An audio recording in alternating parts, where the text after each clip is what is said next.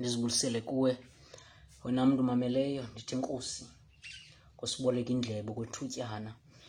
Nceda utyhile nam kwincwadi yendumiso indumiso 127 ivesi eyokuqala safunda le yokuqala kuphela. Ithi kuwe wona mntu sele uyifumene ukuba akayakhi uyehova indlu bafana besaphuka yiyo abakhi bayo. Ukuba umzi akawugcini uyehova ufumana ephaphama obugcinileyo bawo somandla inkosi kumkani olu lanamhlanje usuku inkosi yehova ngokusinceda wena malusolungileyo maxesha apho sifanele kungancedwa ngawo. Inkosi yehova ngonyana wakho wafela ityala lesono sethu wabuya wavuka ngosuku lwesithathu sibonisa ukuthi unoloyiswa ngapha kokufa nelabafileyo yehova. Inkosi ngezwi lakho malusolungileyo lona kumkani linamandla okutshintsha nokukhupha umntu ekufini limfake ephilini inkosi malusolungileyo ngoko ndabulela somandla ndacela kumkani kasebenzise izwi lakho namhlanje ngeli thuba wenza utshintsho ngaphakathi kuthi yehova thandaza ukuba ukhona ubani omameleyo ongazaniyo nonyana wakho afikelele kwazani naye kweyesu kristu nkosi yethu amen. Namhlanje ndifuna ukuthetha nokufundisa malunga nosapho olomeleleyo kule ndumiso. Usapho olomeleleyo ndicinga ndandikhe nda- ndayithetha into yokuba ikhaya ndikhule kwikhaya elenza amasiko nelisawenzayo e- e- elisazinzileyo kuwo nanamhlanje. Kodwa ndaphuma mna kuloo nto. Ndikhumbula ngomnye unyaka sakhe sathathwa sasiwa kusiyazi ngenjongo yokuba asenze nge- nge- ngenjongo ethi avumise ngekamva lethu thina bantwana akuba ephehlile ke wabuya esithi sidinga ukuqiniswa asomelelanga sonke. Waza kule nto e- e- ayi- ayithethayo waza ke nezinto zakhe wasiqaphula ngenjongo yokusomeleza kube sithi ndifuna unokubomeleza abantwana.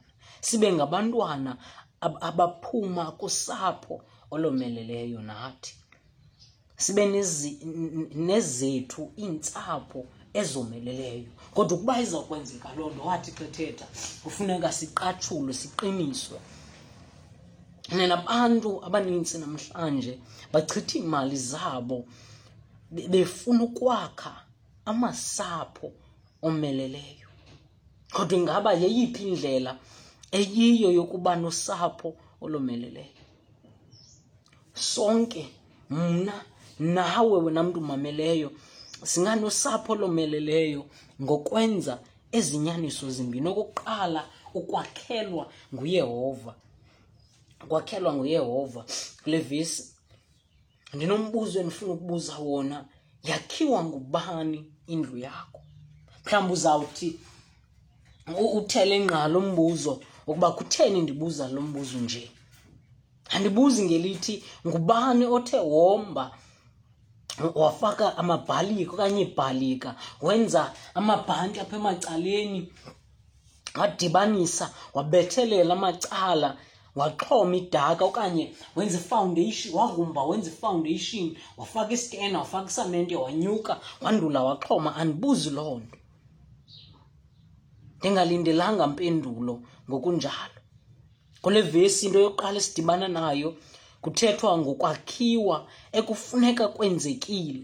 Kwaye oku kwakhiwa kwendlu kule ndawo ngentetho evakalayo akuko kwe- kwesakhiwo kuphela kodwa nemiphefumlo le ihlala ngaphakathi kufuneka ikhule yakheke ibe nokummelela ngoba akufuneki ihlale ingenalutshintsho ingakhuli. And then ubungqeqe bufanelwe kukuphelela kwesithomo bungadluleli kwezinye izinto. Okukwakheka okukwakhiwa ndikubuzayo ndibuza umbuzo ngako kukwakhiwa okanye nolwakhiwo nolwakheko olunjalo. Funda nami kwincwadi yabasekorinte boqala chapter 3 verse 9 uya kuverse 10 ithi kuba thina singabasebenzisi bakathixo nina niyintsimi kathixo nisisakhiwo sikathixo. Ngokokubabalo lukathixo endababalwa ngalo ndithi ngokomakhi osisilumko ndibeke ilitye lesiseko. Athi ke omnye athi ke omnye akhe phezu kwalo ke elowo makakhangele ukuba uthini na ukwakha kwakhe phezu kwalo. Kunesiseko sendaba ezilungileyo ezokuba uyesu wafa wangcwatywa wabuya wavuka ngosuku lwesithathu phezu kwazo kwakhiwa ngokuthi kufundiswe iimfundiso zakhe ukuze ibandla abo basisakhiwo sakhe bakhule kwinyaniso nasekumazini nalo lwakhiwo lokuqala ekumele liyenzeka. And then olo lwakhiwo kumele kubekho isiseko esinguthixo esingukristu. Into leyo nakusapho edingekayo kuqala. And then kule nto kunokwakhiwa abantu ekwakheni kwabo iifemeli zabo. Apha ekuhlaleni baneendlela ezahlukileyo. Ngemfundo nje abanye bakha ngemfundo njengeyona nto iza kubenza babe lusapho olomeleleyo. Uthando okanye umfanekiso wothando olungelulo uthando lukathixo. Lona lugqibeleleyo lungahananisiyo ngemali nokuphangela kungaphu ngokungaphumli nokungabi naxesha. Abanye bayenza ngolo hlobo ukuthi bakha iifemeli zabo. Ngokwesiko lekhaya elo nonqulo lwezithixo ukususela bathi zizinyanya xa bezibiza ukuya kwizilo ngezilo bezenza besenza nezichotho. Kodwa eyona ndlela noyena ufanelwe kukwakha nokuba umvumele akwakhele usapho lwakho nguyehova uthixo. Yena lowo ubekho kungekabikho nto. Lowo usisiqalo sako konke.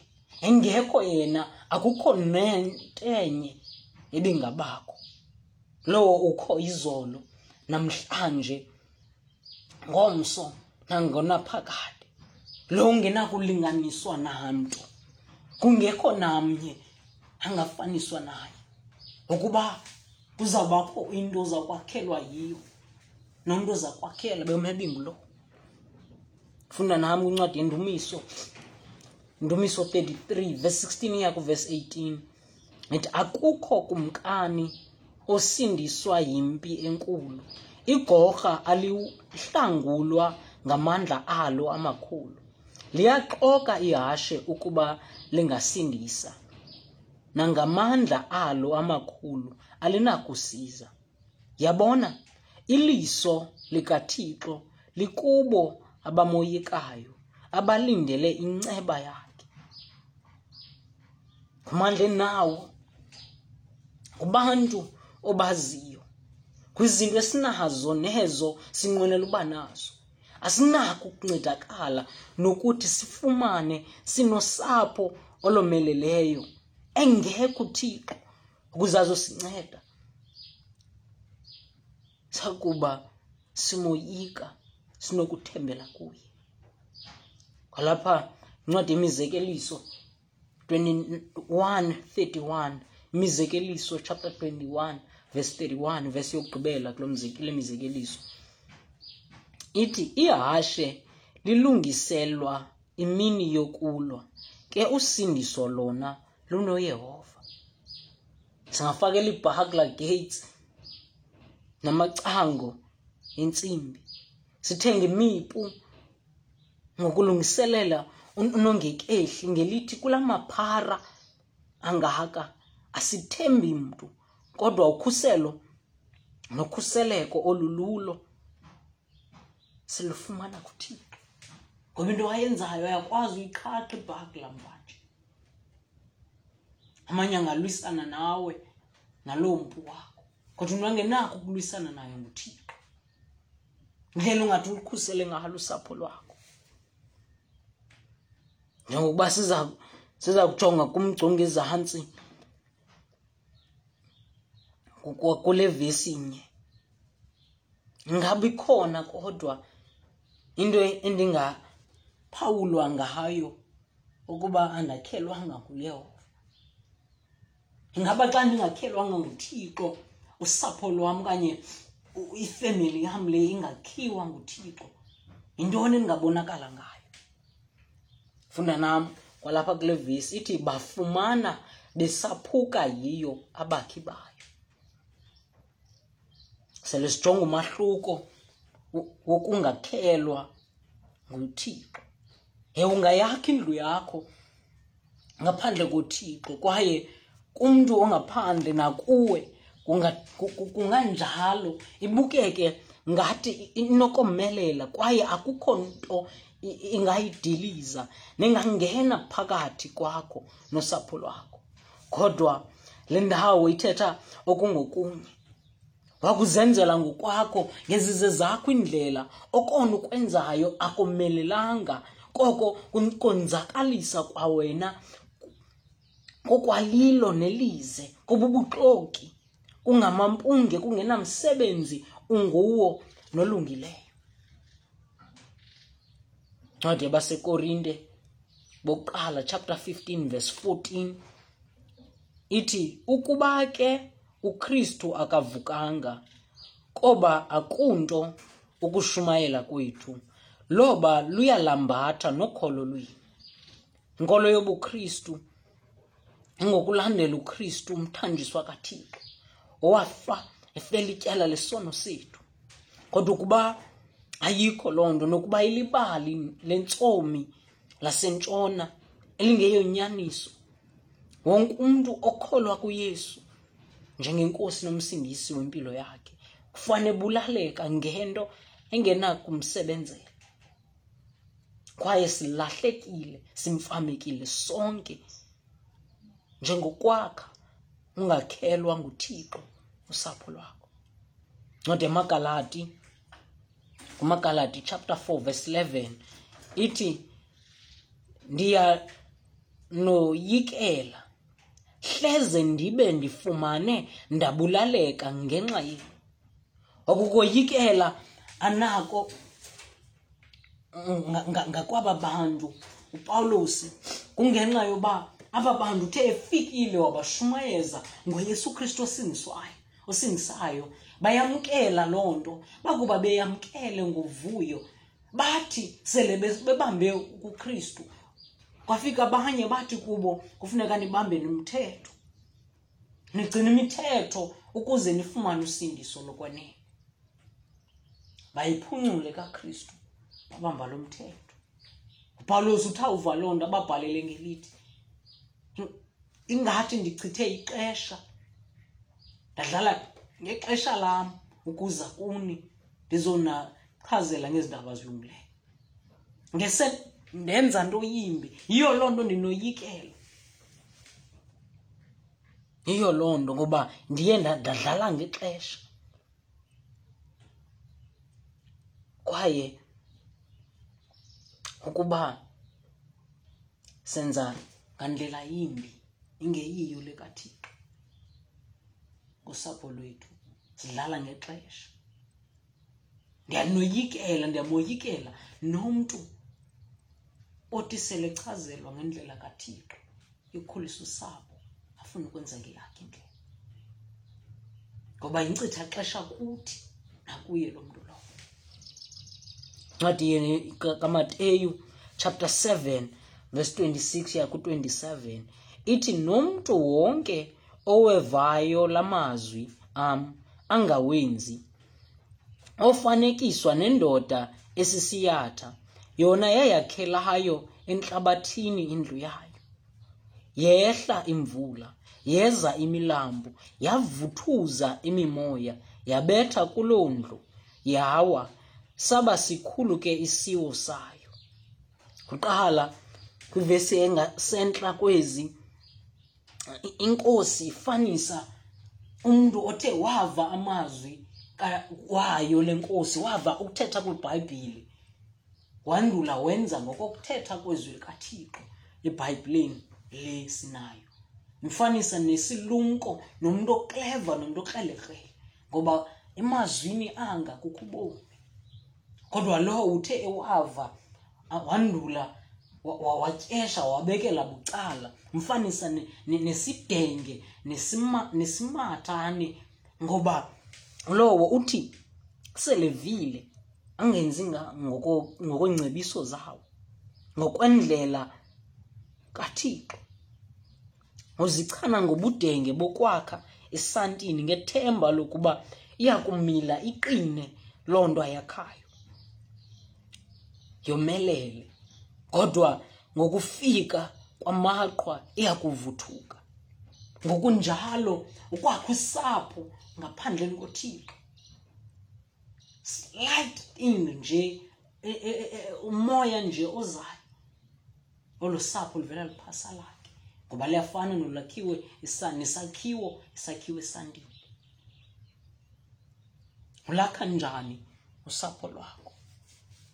Vumela uyehova akwakhele usapho lwakho. Okwesibini sele sibona ukuba liza komelela usapho lwethu kuzafuneka sivumele sakhelwe nguyehova. Okwesibini ukugcinelwa nguyehova. Funda nam kwalapha kule vesi ithi ukuba umzi akawugcini uyehova mbuzo wam malunga nale ndawo uwugcinelwa ngubani umzi wakho? Kwakhona nakulona umbuzo ndingavakala ngathi ndiyageza okanye ndibuza into engadingi impendulo. Ndingabuzi ngokwexesha apho ungaphendula ngelithi xa ndingekho ndiye ndishiye abamelwane. Okanye ndiba ngumntu ozawuthi khanithi kubamelwane kubamelwane khawuphosa imehlo ukuze abantwana bangatshisani. Usapho lwakho abantwana bakho izihlobo isakhiwo naso.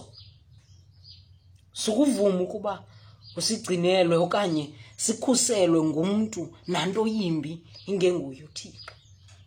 Funda nam uzekeriya chapter 2 verse 4 yakuverse 5 ithi sathi kuso gidima uthethe nalaa ndodana uthi iyerusalem iyakuhlala ngokwamaphandle ngenxa yobuninzi babantu neenkomo eziphakathi kwayo. Ndiyakuba ludonga lomlilo kuyo mna ngenxa zonke. Utsho uyehova ndibe bubuqaqawuli phakathi kwayo. Uthixo kwisithembiso awayethembisa ngaso awayethembisa kumasirayeli ngolawulo lukamesiya uyesu kristu. Ngelithi isixeko esi benikade nisazi xa unyana wam elawula kule minyaka eliwaka izawukuza naye. Isixeko esiyerusalem ebikade ebesikade sineendonga ukuze sikhuselwe kutshabo olungaphandle. Ngoku kuzobakho zindonga zizawukhusela kodwa mna ngonyana wam nongomlilo ndizawuthi ndikhusele ngokunokwam. Akukho tshaba luzawusuka ngaphandle lungene ngaphakathi ukuze lonzakalise abantu abangaphakathi ngoba ndim uzawuba ngumgcini kwesi sixeko. Kwakunye neentsapho ndim ozawuthi ube luthango. Into leyo nathi esiyisebenzisayo namhlanje ukuze sikhusele izindlu neefemeli zethu. Imizi yethu neefemeli zethu ngayo into yokuba kutshabo olungaphandle lungakwazi ungena ngaphakathi eyadini. Kuba sibile ngokunjalo uthixo uthembisa usirayeli into yokuba uzawubika and then usapho lwakho kuba luzawuba lusapho olomeleleyo kuzawufuneka umema uyehova ibe nguye zawubiya agcine usapho lwakho. Ncwadi yendumiso ndumiso 121 verse 3 ukuya kuverse 5 ithi akayi kukha alinikele unyawo lwakho ekutyibilikeni. Akayi kukha ozele umgcini wakho. Uyabona akozeli akalali umgcini kasirayeli. Nguyehova umgcini wakho. Nguyehova umthunzi wakho ekunene kwakho. Kunabantu abaninzi. Abaqeshiweyo ukuba babe ngonogada. Abanye babo babhaqwa belele ngexesha lomsebenzi. Abanye ukuba bengafuni ubhaqwa belele baye bazithengela ii-energy drinks ngelithi abafuni ukulala. Abo bantu eh, benza loo nto kuba besithi bafuna uhlala behleli ubusuku obu bonke sele besebenza. Andazi ngawe ngoba nam njengabo ndiyahluleka ukuzigcinela ngokwam usapho lwam. Ndiyahluleka ukugcina le nto ibekwe phambi kwam. Ubusuku bonke. Unako ukundigcinela nguthixo kasirayeli onguthixo wam ohlala ehleli ubusuku nemini usapho lwam mna qala andilubeki phantsi kwawam amehlo. Ndithi ndizalijonga ndizaligcina ndizaligada kodwa ndiyazi ukhona uyehova. Okona komelela usapho olunganako kukuzigcina phantsi kophiko lukayehova. Kunoqatshulwa nokuqiniswa ngokuchitha imali ongenayo. Kuloo nto ndikhumbula umakazi wam ohambayo owayayo ukuba kunye nenkosi ngokusutywa ngokufa kukufa. Wabasekhaya ezulwini wayekhaya ezulwini ngo-2012 wayekwazi umakazi ukumka ayekapha into engangeveki. Ashiye indlu yakhe engayitixanga xa efowunelwa kusithiwa makazi sibona into yokuba awuvalanga. Kuzawungena masela nemimoya emdaka. Impendulo yakhe ibiye ithi mna ndathengwa ngegazi ndishiye indodana akukho nto izawukwenzeka kwaye bekungabikho nto yenzekayo. Ngabikho noba ibenye into ethathwayo.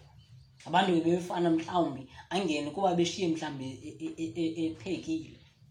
Afane ke okhazini bethu bangene batye baphinde baphume bavale. Kodwa bengakho nto imbi ithi yenzeke ngoba abeshiye phane indodana. Mzi wakhe abe ugcinelwa nguthixo. Ukuba ungagcinelwa nguthixo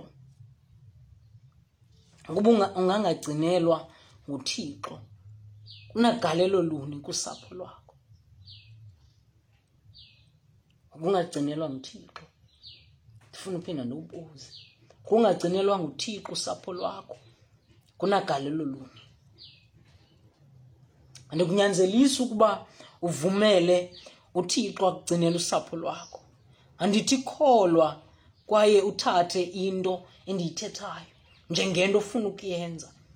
Mhlawumbi unecebo elingcono kuneli silifumana kule ndumiso kodwa wakuba uhambe ngalo libe lingelilo elikathixo lokumeleza usapho lwakho ngokuligcinelwa nguye.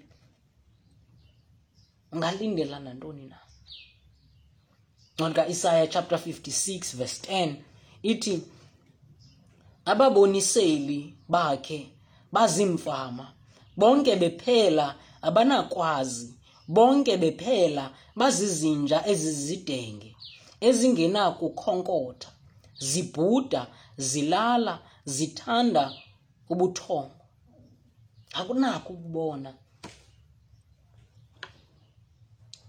Ngokubona kukathixo nokwazi ngendlela azingayo akuzusoloko ulindele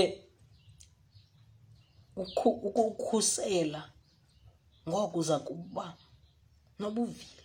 Awunakho uhleli nje on guard amaxesha amaninzi uzawukonqena kube kungona usapho lwakho lonzakalayo. Ungenako nokukulumkisa ngokulumkisa kukathixo. Ncwadi kaYeremiya chapter 51 verse 50 verse 31 ithi isigidimi siyagidima siqubisana nesigidimi. Umbiki uqubisana nombiki abike kukumkani wasebhabheli ukuba umzi wakhe uthinjwe kwaphela. Endaweni yokwenza umsebenzi wakho wokugcina nokukhusela usapho lwakho kutshaba. Ebekufuneka ulubone lukude uyakulubona selonzakalisile usapho lwakho. Kuba ungenakho ukumelana nomsebenzi ongafanele ukuba wenziwa nguwe. Khawuthatha usapho lwakho thatha umzi wakho umnikele kuthixo ukuthi awugcinele. Lowo ugcinelwa nguye usapho lwakho. Ukukhusela njenguyehova